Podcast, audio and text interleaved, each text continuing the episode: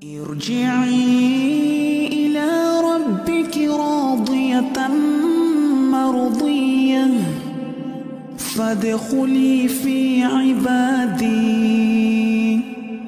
وادخلي جنتي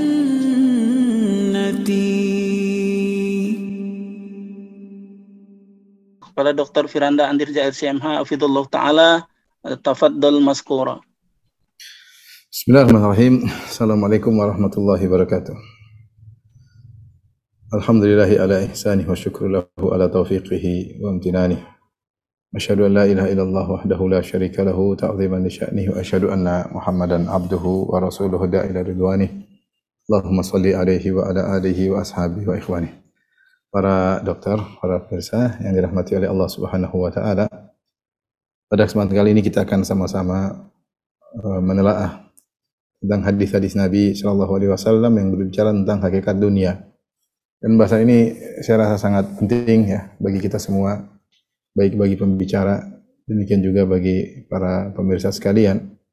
Karena sebagian kita telah dibukakan dunia oleh Allah Subhanahu wa taala bahkan mungkin yang paling miskin di antara kita pun masih lebih berada daripada kalau kita bandingkan dengan kehidupan sebagian para sahabat di zaman Rasulullah SAW atau kita bandingkan dengan kehidupan Rasulullah SAW itu sendiri.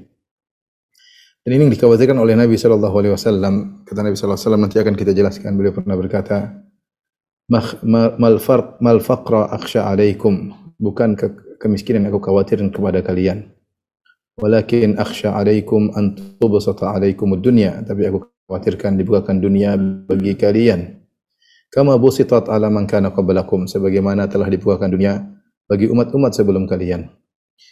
Fatanafasuha kama tanafasuha. Kalau sudah dibukakan dunia maka kalian akan berlomba-lomba saling bersaing dalam berbanyak dunia. Sebagaimana orang-orang terdahulu telah bersaing dalam berbanyak dunia. Fatuh likukum kama ahlakathum. Maka dunia tersebut akan membinasakan kalian sebagaimana orang-orang terdahulu telah dibinasakan oleh dunia. Syekh Ibnu Utsaimin rahimahullah punya nasihat yang indah. Beliau berkata, yang jadi problem bagi kita adalah kehidupan berlebih-lebihan, ya. Kelebihan glamor, kehidupan mewah daripada yang seharusnya, berlebihan daripada yang seharusnya. Sehingga uh, membuat kita ketika kita semakin memperindah tempat tinggal kita, semakin berindah kendaraan kita, semakin memperindah ruang tempat tidur kita. Kenyataannya akhirnya kesibukan kita pada hal-hal tersebut. Kita bertemu dengan kawan, gimana rumahmu, gimana mobil kita, bagaimana uh, tempat tidur kita, bagaimana bicara dunia, bagaimana bukan bicara tentang bagaimana akhirat kita, ya sehingga akhirnya kita sibuk mengurusi tubuh kita, penampilan, baju dengan berbagai macam modelnya, eh, peralatan yang kita bawa, entah jam, entah HP, entah yang lainnya. Bahwa kita sibuk dengan dunia berlebih-lebihan. Sehingga kita lupa memperhatikan hati kita. Sehingga fokus kita kepada dunia. Inilah penyakit yang berbahaya. Makanya Rasulullah SAW mengatakan, bukan ke kemiskinan yang aku khawatirkan menimpa kalian. Tetapi yang aku khawatir adalah jika dunia telah dibukakan bagi kalian. Ya. Jika dunia telah dibukakan bagi kalian sehingga kalian pun sibuk dengan dia berlomba-lomba ya. Berlomba-lomba karena orientasi sudah dunia. Dan menjalar bukan pada kepala rumah tangga, menjalar kepada istri anak-anak. Sehingga kehidupan selalu orientasinya adalah dunia. Ini yang dikhawatirkan.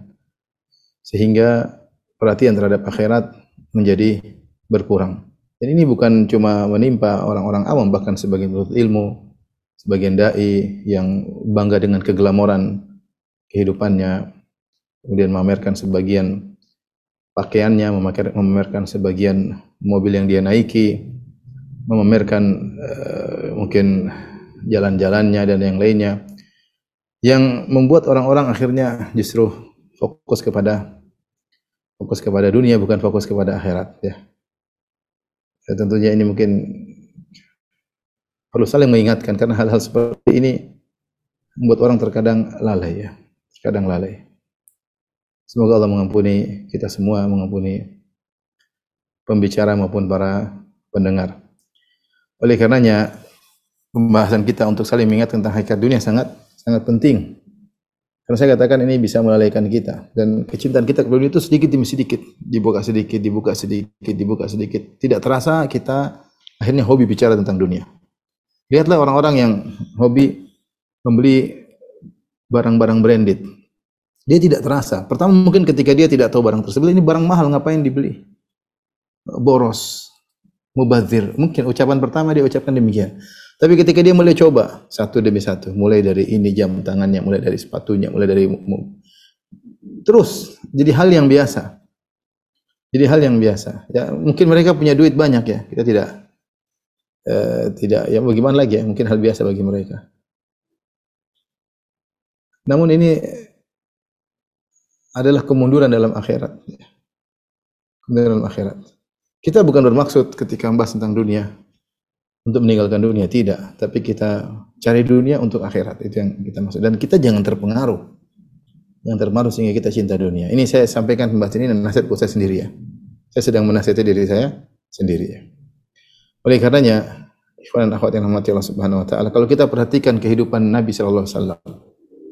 Nabi sallallahu alaihi wasallam dari tidak punya sampai menjadi sampai punya, sampai memiliki harta yang banyak, sampai Nabi sallallahu alaihi wasallam membagi uh, emas dan perak dengan begitu mudahnya. Sampai Rasulullah membagi onta, kambing yang dia miliki dengan begitu mudahnya. Bagaimana kehidupan Nabi yang sangat-sangat sederhana. Artinya dunia yang Allah berikan kepada beliau tidak merubah pandang, cara pandang beliau terhadap dunia. Nah, kita ini lemah. Ya, ketika dibuahkan dunia pada kita berubah cara pandang kita terhadap dunia. Mulai masuklah rasa cinta kepada dunia sedikit demi sedikit tanpa kita sadari Ternyata pembicaraan kita kalau lagi bertemu dengan kawan-kawan pembahasannya adalah dunia. Kita bertemu dengan istri dengan anak-anak pembahasannya adalah dunia. Kita terbawa uh, tanpa kita sadari ya. Oleh karenanya pada kesempatan ini kita akan bahas tentang hakikat dunia akan ada beberapa hadis yang saya akan bacakan kita dengar kita simak bareng-bareng ya. Uh, yang pertama, hadis diriwayatkan oleh Imam Muslim dari Mustawrad bin Shaddad radhiyallahu anhu. Qala Rasulullah sallallahu alaihi wasallam, "Wallahi mad dunya fil akhirati illa mithlu ma yaj'alu ahadukum isba'ahu hadhihi fil yammi falyanzur bima tarji'." Kata Nabi sallallahu alaihi wasallam, ini hakikat dunia.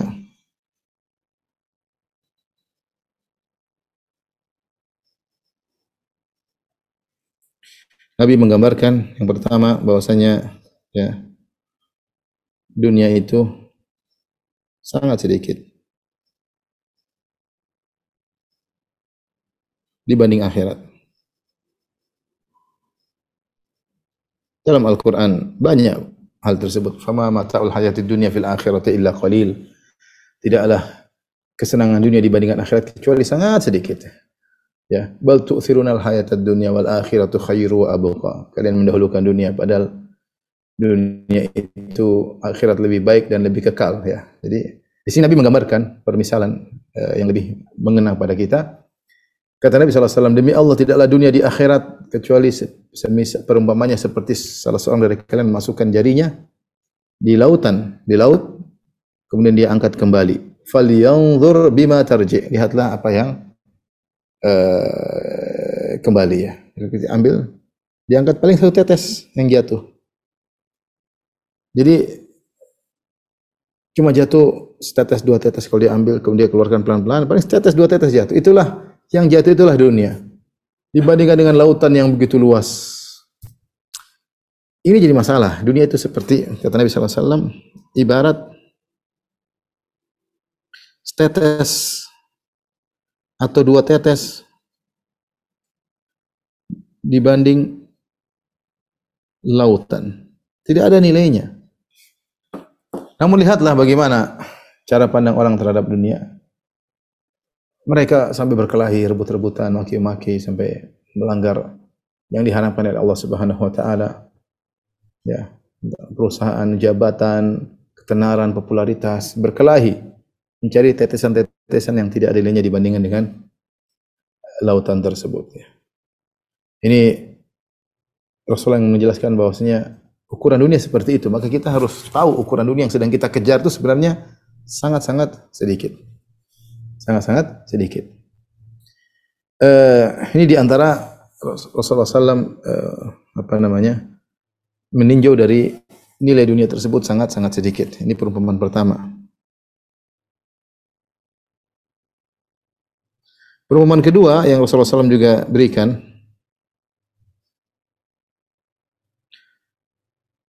bahwasanya dunia atau hadis kedua yang Rasulullah sampaikan adalah nilai dunia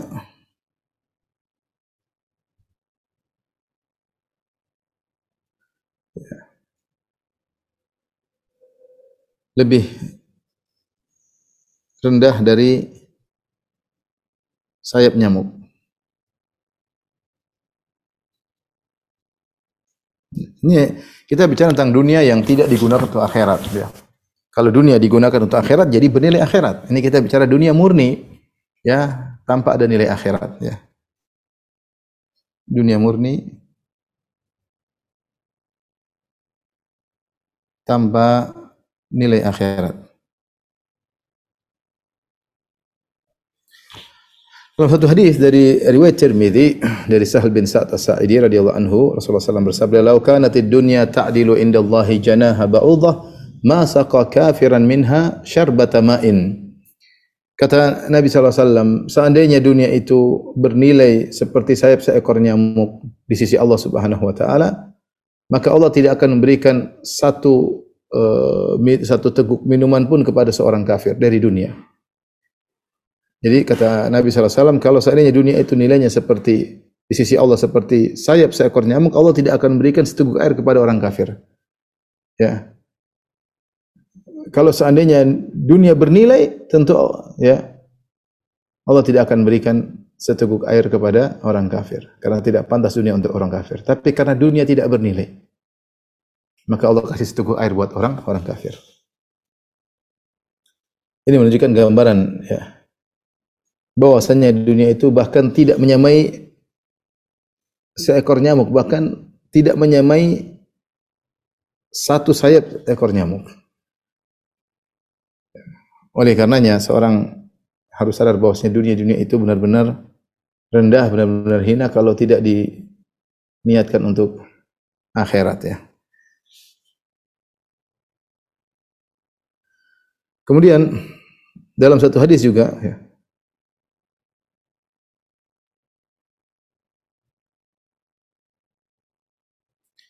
SAW menggambarkan ya bahwasanya ya, ini semua penggambaran tentang hinanya dunia. Dunia lebih hina dari bangkai anak kambing kecil. Kecil yang cacat sudah anak kambing kecil lagi cacat. Bangkai ya. Bangkai kambing kecil, anak kambing cacat. Dalam satu hadis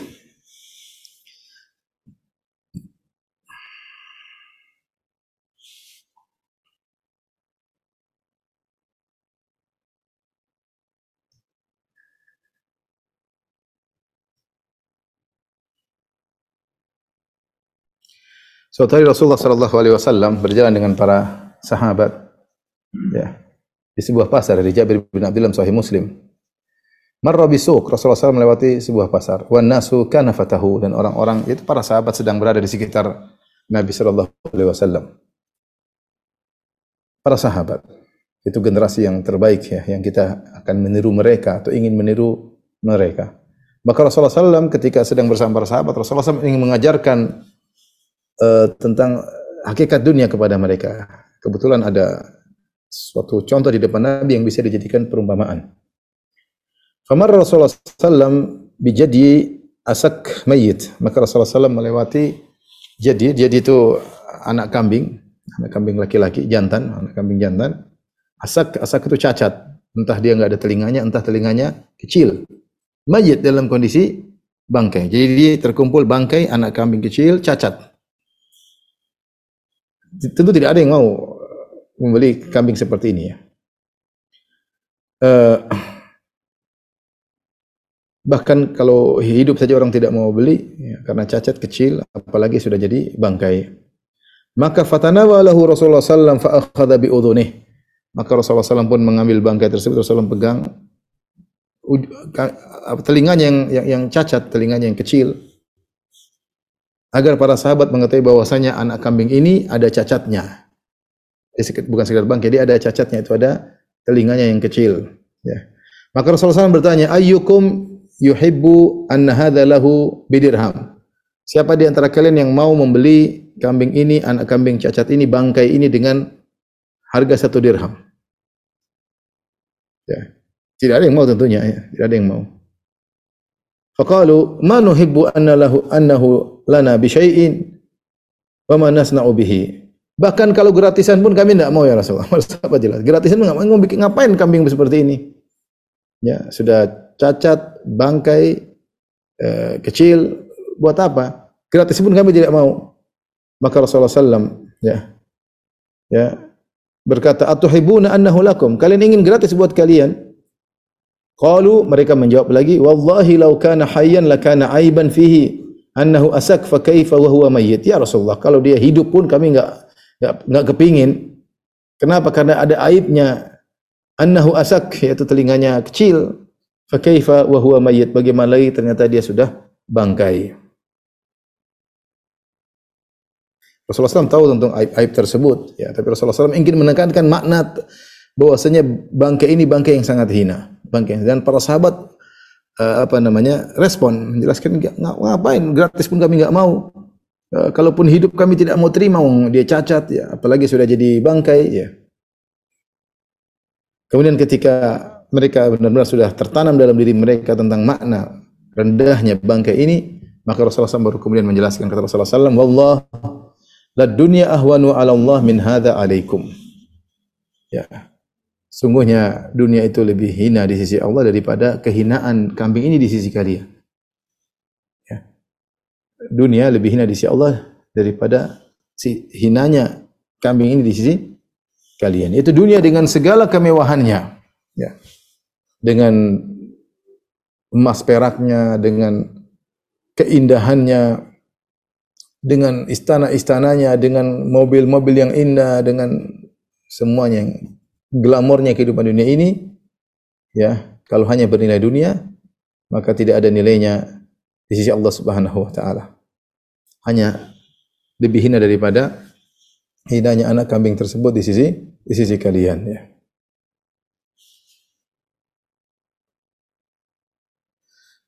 Namun demikianlah orang-orang berlomba-lomba, berkelahi, saling bahkan saling membunuh, saling menuduh, buat makar di antara mereka untuk mengejar dunia yang lebih hina daripada bangkai anak kambing kecil. Ikhwan dan akhwat yang dirahmati oleh Allah Subhanahu wa taala. Kemudian juga Nabi menjelaskan sallallahu alaihi wasallam ya. Tentang singkatnya dunia. Tadi dunia sangat rendah, sekarang dunia sangat singkat.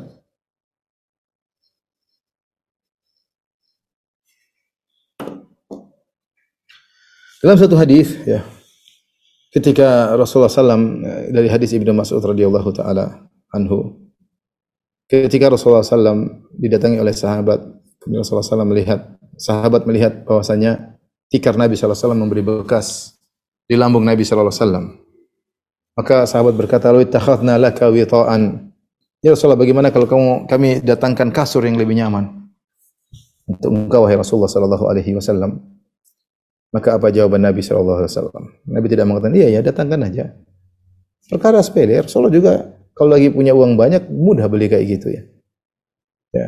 Maka Rasulullah SAW berkata, "Mali walid dunya innama mathali wa mathalud dunya kamathali raqibin fi dhilli syajarah fi yaumin saif thumma rahafat wa tarakaha. Apa urusanku dengan dunia? Apa urusanku dengan dunia? Kata Nabi wasallam. Semuanya perumpamaan perumpamaan dunia seperti perumpamaan seorang yang sedang berkendaraan pengembara yang sedang berjalan di ya terik, kemudian angin berhembus kencang, kemudian dia bersa, ber, ber, ber, cuma sekedar ingin istirahat di bawah naungan sebuah pohon. Sumaraha fataraka. Saya bertidur tidur sebentar, tidur siang, satu jam, dua jam. Kemudian dia melanjutkan perjalanan. Maka Rasulullah SAW menggambarkan bahwasanya dunia ini singkat sebagaimana seorang beristirahat sebentar di bawah sebuah pohon. Tidur di bawah pohon apa nyamannya? Sebentar aja. Kemudian melanjutkan perjalanan. Waktu dunia ibarat sebentarnya seorang yang istirahat di bawah sebuah pohon.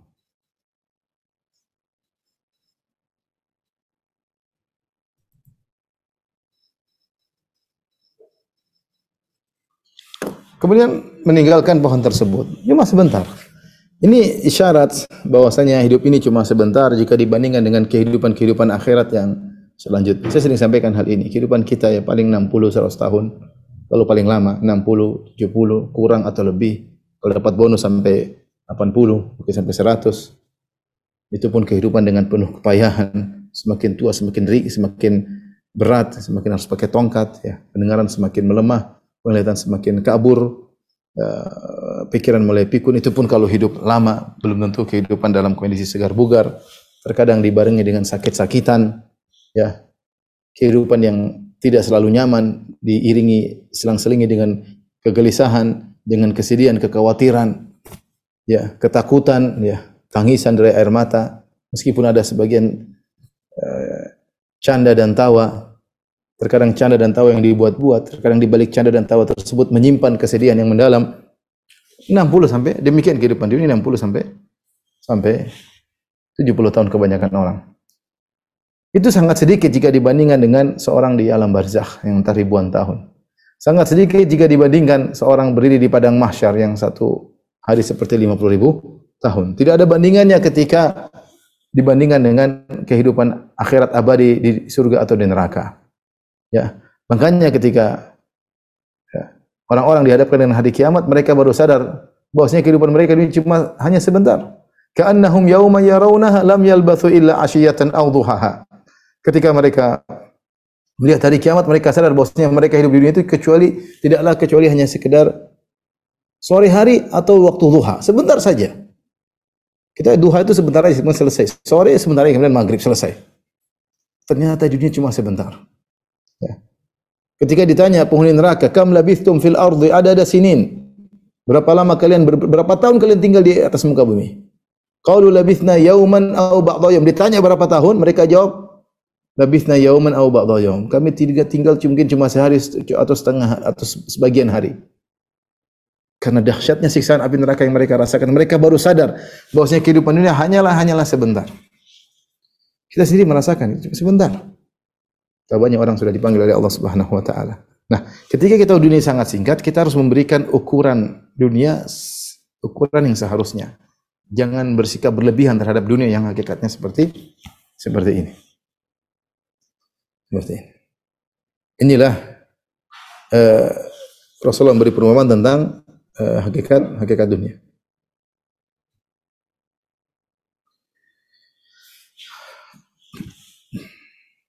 Kemudian Rasulullah SAW ya, juga menjelaskan tentang kekhawatiran terhadap dunia. Ya.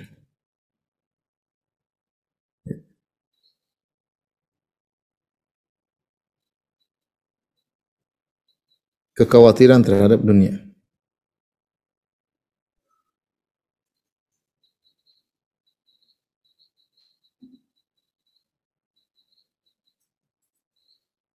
lapangnya dunia.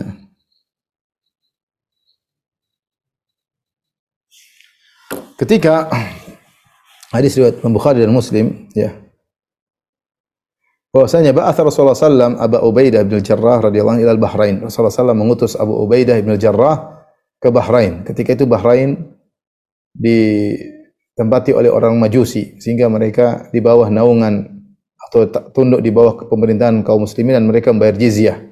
Maka saat itu Rasulullah menugaskan Abu Ubaidah bin Jarrah radhiyallahu anhu untuk mengambil jizyah, tentu akan bawakan harta yang banyak ya. Harta yang yang banyak. Maka ketika kaum Ansar mendengar tentang kedatangan Abu Ubaidah dan ketika itu pas waktu sholat subuh, maka orang-orang pun banyak berdatangan. Sebagian kaum Ansar rumah mereka agak jauh dari Masjid Nabawi sehingga mereka sholat di masjid-masjid mereka yang jauh dari Masjid Nabawi.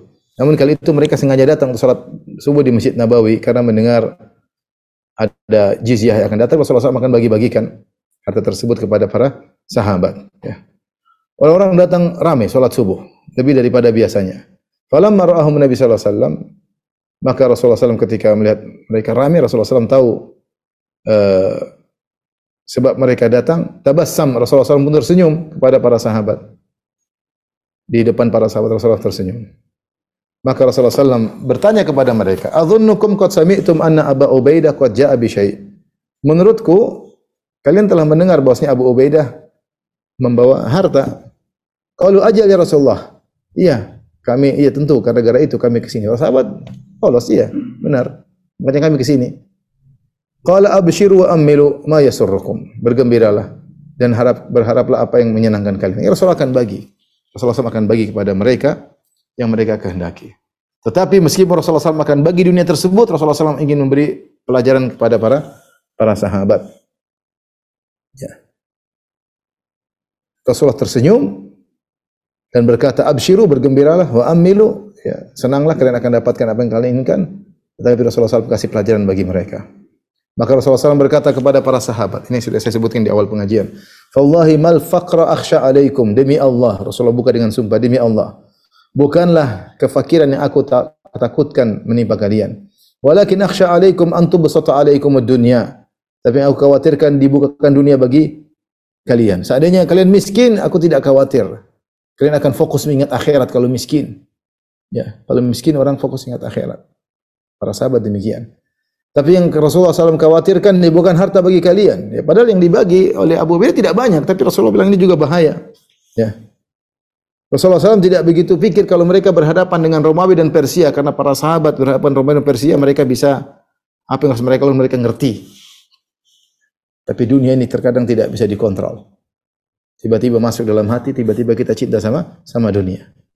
Maka Rasulullah SAW berkata, bukan kefakiran yang aku khawatirkan menimpa kalian. Walakin akhsha alaikum an tubsata alaikum dunya. Tapi aku khawatirkan kalian dibukakan dunia bagi bagi kalian. Ya. Kama busitat ala ala qablakum. Sebagaimana dibukakan dunia bagi orang-orang sebelum kalian. Fatanafasuha kama tanafasuha. Maka kalian akan berlomba-lomba memperbanyak dunia. Lihatlah bagaimana pembicaraan orang-orang yang tidak semua tapi banyak orang yang punya uang pembicaraan gitu. Gimana? Gimana dolar gimana ini gimana? Bicara dunia. Gimana harga ini gimana harga mobil gimana harga ini harga ini. Terus bicara seperti itu. Kalau ada yang lebih bagaimana saya bisa mengalahkan bagaimana saya bisa menyingkir kita harus kita harus di depan. Bicara dunia semua ya terkadang berlanjut kekhawatiran kalau punya usaha besar khawatir ada yang ganggu dikejar-kejar oleh petugas misalnya. Macam-macam. Banyak hal yang dipikirkan, ini pikiran semuanya adalah dunia ya. Itu kata Nabi alaihi wasallam, "Fatanafasuha kama tanafasuha." Kalian berlomba-lomba memperbanyak dunia sebagaimana mereka telah berlomba-lomba, fatuhlikukum kama ahlakatkum kama, kama ahlakathum. Maka dunia tersebut akan membinasakan kalian sebagaimana mereka telah dibinasakan. Ya. Kalau berhadapan dalam jihad lawan Persia dan Romawi, mudah bagi para sahabat ini dikhawatirkan ketika dibukakan dunia. Ini pelajaran terus diberikan oleh Nabi SAW kepada para sahabat agar mereka waspada sehingga ketika Nabi SAW meninggal mereka bisa berjuang dengan luar biasa. Lihatlah bagaimana Khalid bin Walid ketika akan berperang melawan Romawi, ya. Maka mereka sampai ditawarkan, wahai Khalid ini Kalian pulanglah, kami akan memberikan kepada kalian setiap orang sekian dinar. Pulang, tidak usah jihad. Ya. Tapi apa kata Khalid ya? Kami datang dengan kaum yang menyukai kematian sebagaimana kalian menyukai kehidupan. Subhanallah. Harta bukan apa di mata mereka ya. Harta kalau mereka punya digunakan untuk akhirat. Ya. Kami datang dengan kaum yang mencintai kematian sebagaimana kalian mencintai cintai dunia.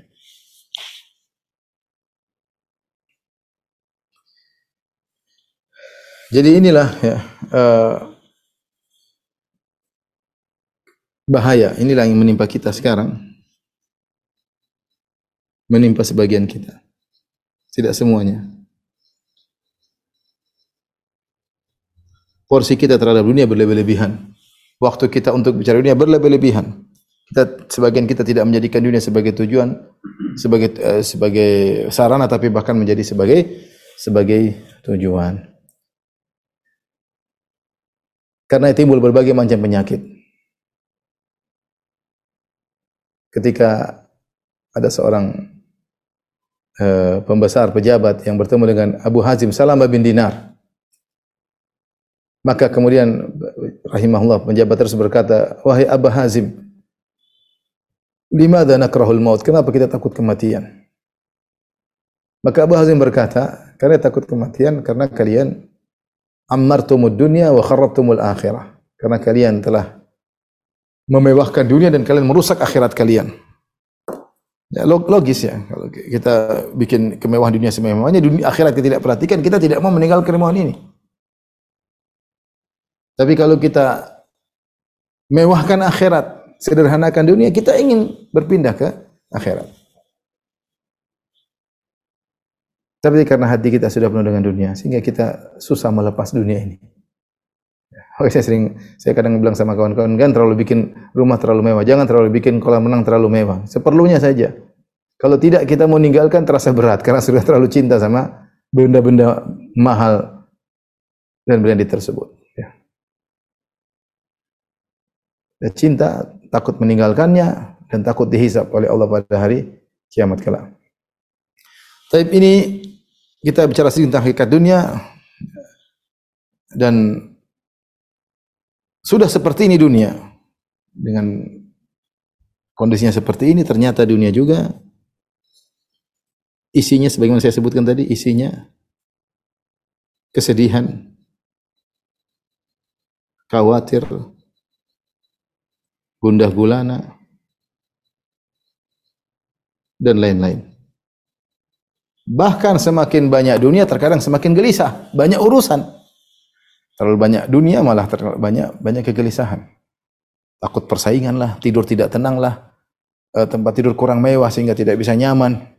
Mobil kurang mewah, sibuk cari mobil baru. Semakin di dunia semakin perhatian kita terhadap tubuh kita, terhadap penampilan kita, semakin berlebih-lebihan. Semakin gelisah. Sementara sebagian orang mungkin pas-pasan hidup nyaman.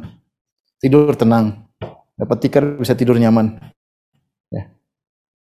Dunia yang begitu kita kejar-kejar ternyata tidak terlepas daripada hal-hal ini. Ya. Kan disebutkan bahwasanya uh, tidak ada seorang kecuali akan melewati delapan perkara dalam kehidupan dunia ini di antaranya adalah pertemuan dan perpisahan.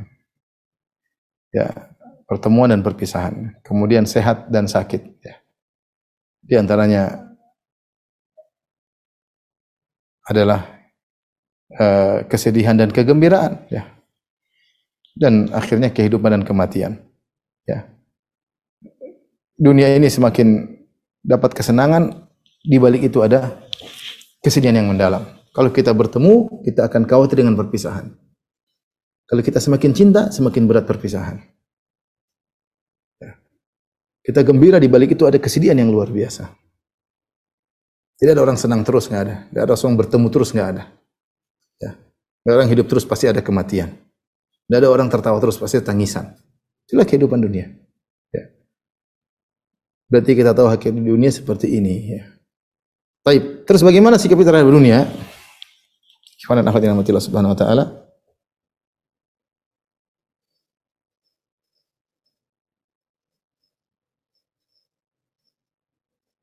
Sebenarnya mudah ya. Tinggal prakteknya yang uh, harus kita perlu melatih diri terus bahwasanya dunia hanyalah sarana. Dunia itu dunia al-akhirat. Ini disebut dengan darul ubur.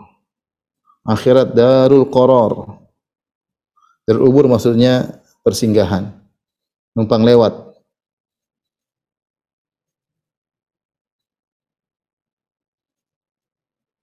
Jangan dijadikan tempat tinggal selama-lamanya.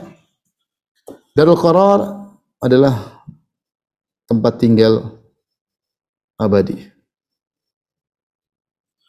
Dalam Al-Quran, wa qala alladhi amana ya qaumi ittabi'un ya qaumi ittabi'uni ahdikum sabilar rasyad. Ya qaumi innama hadhihi al-hayatud dunya mata' wa innal akhirata darul. Wahai kaumku sungguhnya dunia ini hanyalah kesenangan yang sementara. Mata artinya kesenangan yang sementara. Wa innal akhirata hiya darul qarar. Dan sungguhnya kehidupan akhirat adalah tempat tinggal yang abadi. Jadi masalah orang menjadikan dunia bukan tempat darul ubur, tapi menjadi darul qarar. Jadi tujuan mereka benar dunia ini jadi masalah. Harusnya kita mensikap ini hanya sebagai tempat numpang lewat. Sebagaimana tadi Nabi jelaskan. Seperti pengembara yang mampir sebentar, kemudian melanjutkan perjalanan. Kemudian yang berikutnya bahwasanya dunia adalah sarana akhirat adalah tujuan. Akhirat adalah tujuan. Kapan kita menjadikan dunia sebagai sarana akhirat, maka dunia itu menjadi bernilai akhirat dunia tersebut menjadi bernilai akhirat. Seperti ketika Nabi SAW memberikan logika ini kepada Aisyah radhiyallahu taala anha, ya. Maka Rasulullah SAW menyuruh Aisyah membagi-bagi daging kambing yang sudah disembelih kemudian dibagi-bagikan, maka Rasulullah SAW bertanya, "Ma abqaita minha?" ya, atau "Ma baqiya minha?" Wahai Aisyah, daging mana yang masih tersisa? Maka kata Aisyah, ya ma baqiya minha illa katifaha. Semuanya sudah habis dibagi yang tersisa cuma pundak kambing. Maka Rasulullah SAW kemudian menjelaskan hakikat kalau dunia dijadikan bahwasanya dunia yang dijadikan sarana akhirat itu yang tersisa. Dunia yang dijadikan sarana akhirat itu yang tersisa. Aisyah menjawab dengan zahirnya, ma baqiya minha illa katifaha. Semua sudah dibagi, semua sudah sudah disedekahkan, yang tersisa cuma pundak kambing, pundak uh, kambing. Maka Rasulullah SAW mengatakan, baqiya kulluha ila katifaha. Justru sebaliknya, seluruh yang sudah dibagikan itu yang tersisa menjadi aset di akhirat. Justru katif yang belum dibagi itulah yang tidak tersisa, itu akan sirna. Itu akan sirna. Maka hendaknya dunia dijadikan sebagai tujuan ya. Rasulullah SAW bersabda ketika memanggil Amr bin As radhiyallahu anhu untuk dijadikan amir dalam peperangan Rasulullah SAW mengatakan aku ingin kau mendapatkan ghanimah kata Amr bin As, bukan ghanimah yang aku cari, bukan yang aku cari. Kata Rasulullah SAW, ni'mal rajulus salih, ni'mal malus salih li rajulis salih. Sebaik-baik harta yang baik untuk orang yang saleh. Artinya Rasulullah SAW ingin Amr bin As mendapatkan harta kemudian digunakan untuk jalan Allah Subhanahu wa taala. Dengan jalan Allah Subhanahu wa taala. Dan itu yang diperhatikan oleh Nabi sallallahu alaihi wasallam. Nabi sallallahu alaihi wasallam bukan orang uh, tidak mampu Rasulullah SAW terkadang memiliki kemampuan yang luar biasa. Ketika Rasulullah SAW menang perang dan gonim yang begitu banyak. Tapi apakah Rasulullah simpan buat beliau? Tidak, beliau bagi-bagi. Sampai Rasulullah SAW memberikan seorang Arab Badui gonaman bainal jabalain. Kambing sepenuh lembah Rasulullah SAW memberikan kepada seorang Arab Badui. Sampai Rasulullah SAW memberikan kepada uh, sebagian sahab, sebagian sahabat ya. Seperti Sofan bin Umayyah bin Khalaf ketika masih kafir Rasulullah SAW berikan 100 ekor onta, 100 ekor onta, 100 ekor, 300 ekor onta. Rasulullah SAW bagi-bagi. Ya. Rasulullah SAW bagi jadikan dunia untuk akhirat ya. Sampai Rasulullah SAW disebutkan dalam kehidupannya Rasulullah SAW eh, ketika beliau tidur beliau menggunakan bantal yang isinya adalah leaf yaitu uh, serabut korma. Ya terbuat lapis luar terbuat dari kulit, dalamnya diisi serabut korma. Tentu tidak tidak nyaman. Ya. Tentu tidak tidak nyaman. Nyaman. Ketika ada seorang wanita datang ke rumah Aisyah radhiyallahu taala yang disebutkan oleh Ibnu Hajar dalam Fathul Bari, ketika ada seorang wanita tentang kehidupan Rasulullah sallallahu alaihi wasallam, ketika seorang wanita datang kepada Nabi ke rumah Aisyah dan melihat kasur Nabi atau bantal Nabi seperti itu, maka dia pun menghadiahkan kepada Nabi bantal yang dalamnya isinya kain wal, lebih lebih lembut, lebih nyaman. Kata Rasulullah SAW, ruddihi, kembalikan. Kata Nabi SAW kepada Aisyah. Ya. Kalau Allah mau, Allah jadikan bagi saya gunung emas. Kalau Allah Allah mau. Ya. Tapi Rasulullah SAW tidak ingin demikian. Ya. Ini yang harus kita tanamkan dalam hidup kita bahwasanya dunia ini adalah sarana untuk kita meraih akhirat yang setinggi-tingginya. Dalam satu hadis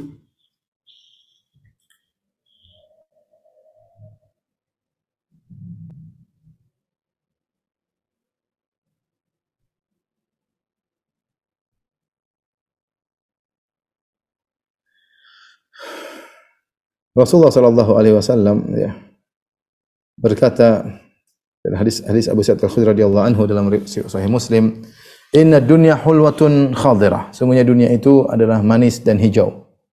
Manis dirasakan menyenangkan. Siapa sih tidak ingin dunia? Bohong kalau tidak suka dunia. Kita semua suka dunia manis. Khadirah menyenangkan. Kalau kita punya kemewahan senang kita lihat. Ya. Tetapi Ingat apa tujuannya kata Nabi sallallahu alaihi wasallam wa inna Allah mustakhlifuf mustakhlifukum fiha. Allah menjadikan kalian di dunia ini eh, tinggal memakmurkan dunia, menguasai dunia. Buat apa? Fayanzur kaifa ta'malun. Untuk melihat bagaimana apa yang kalian lakukan, bagaimana amal kalian. Dari sini kita tahu bahwasanya dunia ini adalah ikhtibar ya. Inilah ujian.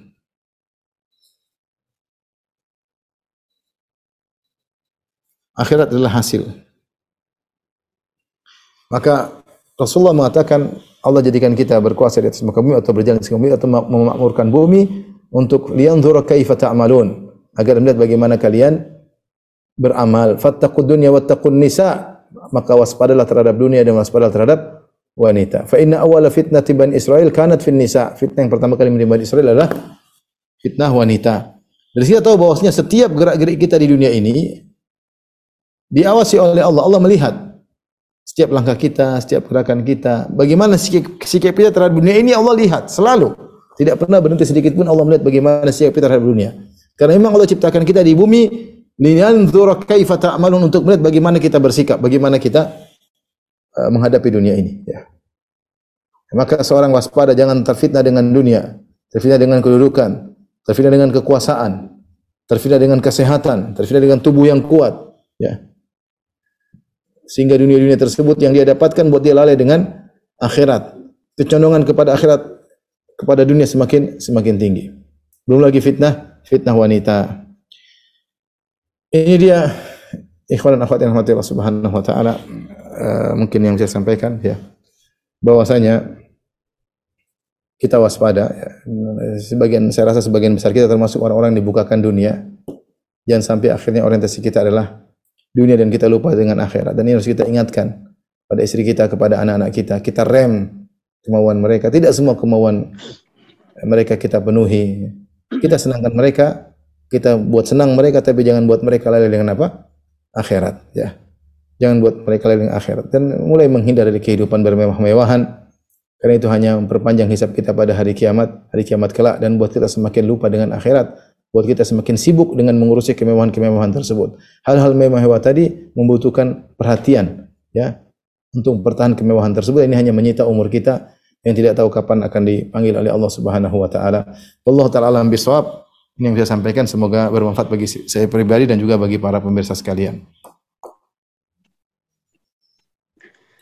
Baik, syukran barakallahu fikum Ustaz atas nasihatnya pada siang hari ini. Uh, boleh masuk di sesi tanya jawab Ustaz? Silakan, silakan. Taib, ada beberapa dari kolom chat Ustaz. Uh, pertama, bolehkah kita menyarankan orang lain memilih pekerjaan yang gajinya tampak lebih banyak supaya bisa naik haji atau umroh? Karena haji di Jakarta kan panjang, khawatir hati ini hanya kamuflase saja. Uh, sebenarnya lihat para sahabat, mereka berjuang, mereka mencari dunia, Lihat para sahabat banyak yang kaya Uthman bin Affan, Abu Bakar As-Siddiq, tapi dunia itu tidak masuk ke hati mereka. Kalau memang dan dunia itu dijadikan sarana untuk mencapai menggapai akhirat mereka. Sehingga ringan bagi mereka ketika disuruh menyumbang mereka menyumbang dengan sebanyak-banyaknya. Uh, kalau seorang kita yakin dia bisa memanage dunia dalam hatinya, artinya dia menjadikan dunia sebagai sarana untuk akhirat, itu baik ya sudah kerja lebih lebih lebih tinggi harga apa gaji supaya kau bisa cepat naik haji. Itu bagus. Yang penting kita kontrol, kita kontrol ya. Kita ingatkan karena kita yang mengarahkan hanya kita mengingatkan ya. Saya rasa tidak jadi masalah, yang penting eh, dunia tersebut dicari untuk akhirat, bukan semata-mata untuk dunia. Wallahu alam bisawab. Baik Ustadz, pertanyaan kedua eh, sedikit agak panjang nih Ustadz. Silakan. Uh, Fulana menikah 23 tahun dengan mu'alaf warga negara asing. Alhamdulillah suami Fulana menjalani Islam seutuhnya. Sholat, puasa, zakat, dan seterusnya.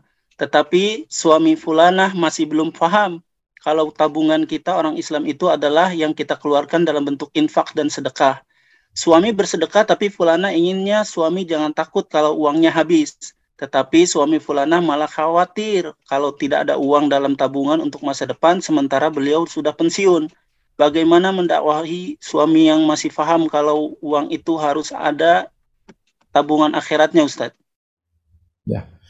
Uh, iman orang berbeda-beda ya, iman orang berbeda-beda ya. Uh, tentunya Nabi SAW membedakan para sahabat.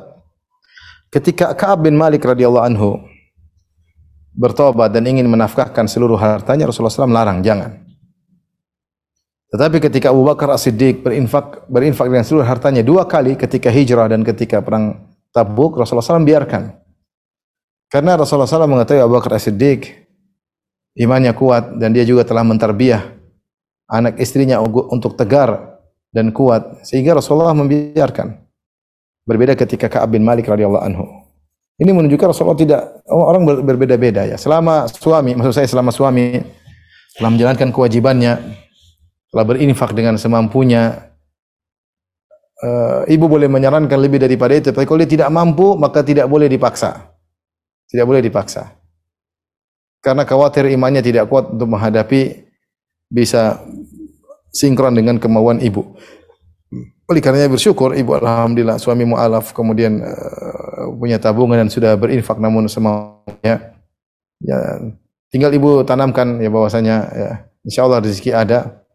Ya seorang berinfak akan dibawakan rezeki. Tapi itu dia butuh keyakinan dulu atau dicoba dengan sedikit-sedikit ya. ya khawatir nanti ternyata ketika dia berinfak kemudian Allah uji dengan ujian dia tidak mampu ini bisa berdampak dengan keimanannya. Oleh karena saya katakan tadi Nabi SAW membedakan antara sahabat satu dengan sahabat yang yang lainnya karena tingkat iman berbeda-beda ya. Tingkat iman berbeda-beda ya. Kalau ibu ingin meyakinkan suami mungkin perlu perlu perjuangan panjang, diyakinkan, diyakinkan, dicoba satu karena tidak tiba-tiba seorang disuruh infak banyak belum tentu dia kuat. Kita terkadang kita mendapati kita heran lihat orang berinfak dengan miliar-miliar dengan mudah. Itu tidak langsung begitu, dia melalui perjalanan perjalanan. Kemudian dia lihat dampaknya ada perjalanan. Sampai akhirnya terbentuklah iman yang kuat sehingga mudah bagi dia untuk menginfakkan mungkin setengah hartanya mudah bagi dia. Ya. Umar bin Khattab aja tidak seperti Abu Bakar. Umar bin Khattab maksimal yang bisa dilakukan berinfak setengah harta. Abu Bakar beda full seluruh 100% ini menunjukkan bahwasanya tingkat iman berbeda-beda maka tidak bisa memaksakan seorang di luar kemampuannya. Allah alam bisawab Barakallahu fikum Ustaz Taib, pertanyaan masih ada waktu Ustaz, insyaallah. Masih masih. Masih. Taib. Penanya insya Allah berusia 10 tahun nih Ustaz. Ada dua pertanyaan dari beliau. Ustaz, kenapa Allah memasukkan orang kafir ke dalam neraka padahal Allah bisa menjadikan orang kafir beragama Islam? Uh, Allah Subhanahu wa taala ya memberi ujian kepada siapa saja dan kita yang memilih ya kita yang memilih ya apa yang di hadapan kita. Tidak ada yang maksa kita. Allah ciptakan kita kemampuan untuk berfikir. Allah memberikan kita kemampuan untuk uh, memilih. Orang-orang yang memilih kesenangan, ya, maka mereka memilih dunia daripada akhirat. Akhirnya mereka terjerumus dalam uh, kekufuran. Islam tentu ada aturan-aturan tidak boleh begini, tidak boleh begitu, tidak boleh begini. Sebagian orang tidak ingin masuk Islam karena mereka tidak mau uh, terhalang dari kesenangan-kesenangan yang mereka uh, lakukan ya. Uh, oleh karenanya ketika mereka memilih uh, kekufuran itu atas pilihan mereka sendiri. Nah, kita alhamdulillah kita bersyukur kepada Allah Subhanahu wa taala.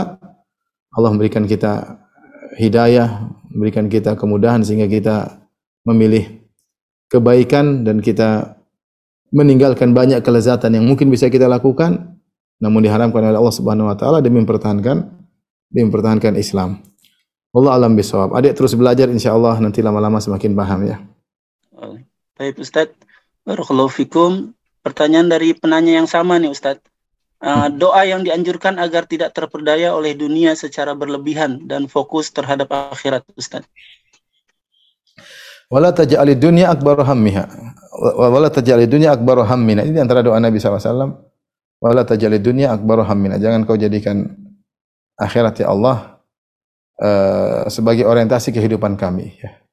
Sehingga selalu akhirat menjadi orientasi kita ya. Ya, di antara doa Nabi SAW, ini berat, tapi doa Nabi SAW, Allah maja'al rizqa Ali Muhammadin kutan. Ya Allah jadikanlah rizki keluarga Nabi Muhammad kutan. Kutan itu kafaf, pas-pasan. Tidak kekurangan tapi tidak berlebihan. Sehingga ketika rizki seorang pas-pasan, artinya dia tidak tidak perlu dia minta-minta sama orang. Dia tidak fakir, tapi dia tidak kaya juga. Ini dia selamat dari uh, dampak buruk orang kaya dan dia juga selamat dari dampak buruk orang miskin. Ini tuh doa Nabi SAW, Rasulullah SAW ingin kafaf dalam kehidupannya. Ya. Uh, dan di antaranya juga Allahumma na'udzubika min fitnatil mahya wa min fitnatil mamat. Di antara fitnah-fitnah kita ya, ya Allah aku berlindung kepada Engkau dari fitnah kehidupan, di antara fitnah kehidupan fitnah dunia. Di antara fitnah dunia, kehidupan adalah fitnah dunia. Kemudian juga di antara Nabi, Nabi SAW, Allahumma na'udzubika min fitnatil ghina wa min fitnatil faqr. Ya Allah, aku berlindung kepada Engkau dari fitnah kekayaan dan daripada fitnah uh, dunia. Intinya kalau seorang senantiasa berdoa kepada Allah, ngaji orientasinya akhirat, dia akan terbentuk ya. Uh, cara hidupnya dan cara cara pola berfikirnya dalam menghadapi menghadapi dunia sehingga dunia tidak masuk dalam hatinya dan itu perlu memang dilatih seperti melatih diri untuk uh, sedekah sehingga dunia itu ringan bagi dia. Terkadang dia mulai besarkan sedikit sedekahnya, nanti mungkin sedikit dikurangi lagi kapan-kapan dia keluarkan sehingga dia tahu bahwasanya dunia ini hanyalah sementara sarana bukan tujuan ya. Kalau dia karena dia tahu dari buktinya dia mudah melepaskan dunia tersebut. Bukan harus semuanya seperti Abu Bakar As-Siddiq radhiyallahu anhu. Tapi tadi perlu latihan. Jadi doa-doa tadi, Allahumma la tajalid dunya akbaru hammina. Allahumma a'udzubika min fitnatil mahya wal mamat. Ya Allah, aku kepada Engkau dari fitnah kehidupan dan fitnah kematian. Allahumma na'udzubika min fitnatil faqr wa min fitnatil ghina. Ya Allah, aku berlindung kepada Engkau dari fitnah kemiskinan dan fitnah uh, kekayaan. Dan juga doa Nabi sallallahu alaihi wasallam, Allahumma ala Muhammadin Allah Allah atau Allah marzuk Allah marzukna kutan ya, misalnya. Ya Allah, berikanlah rezeki kepada kami kutan itu kafafan yaitu pas-pasan. Allah alam bisawab. Mungkin pertanyaan terakhir. Baik Ustaz. Baik, satu pertanyaan lagi Ustaz ya. Insyaallah. Ustadz, apakah boleh istri menuntut cerai apabila suami pernah berselingkuh tapi sudah bertobat? Apakah itu termasuk hulu syar'i, Ustadz? Uh, kalau memang kita lihat kondisi kondisi sang wanita, seharusnya kalau suami sudah bertobat, seorang muslim harusnya menerima. Tapi kita tidak tahu psikologi seorang wanita. Kalau dia tidak kuat, selalu terbayang-bayang, dia gelisah terus itu hak dia, nggak ada masalah. Nggak ada masalah. Tapi harusnya psikologi seorang wanita mukminah kalau dia sudah terima suaminya setahun dan suaminya tidak ada gejala-gejala untuk kembali lagi benar-benar bertobat harusnya dia terima. Tapi kalau ada gejala-gejala itu membuat dia selalu hidup was-was, khawatir, boleh saja. Ya, tapi sebelum dia maju, hendaknya dia istikharah, meminta petunjuk kepada Allah, diskusi sama Ustaz. Kan saya tidak tahu bagaimana kondisi dia dan bagaimana kondisi suaminya. Allah alam bisa demikian saja eh, para dokter yang mati Allah subhanahu kajian kita. Insya Allah kita lanjutkan pada kesempatan yang lain. Wabillahi taufiq wal hidayah. Assalamualaikum warahmatullahi wabarakatuh. Irji'i ila rabbiki radiyatan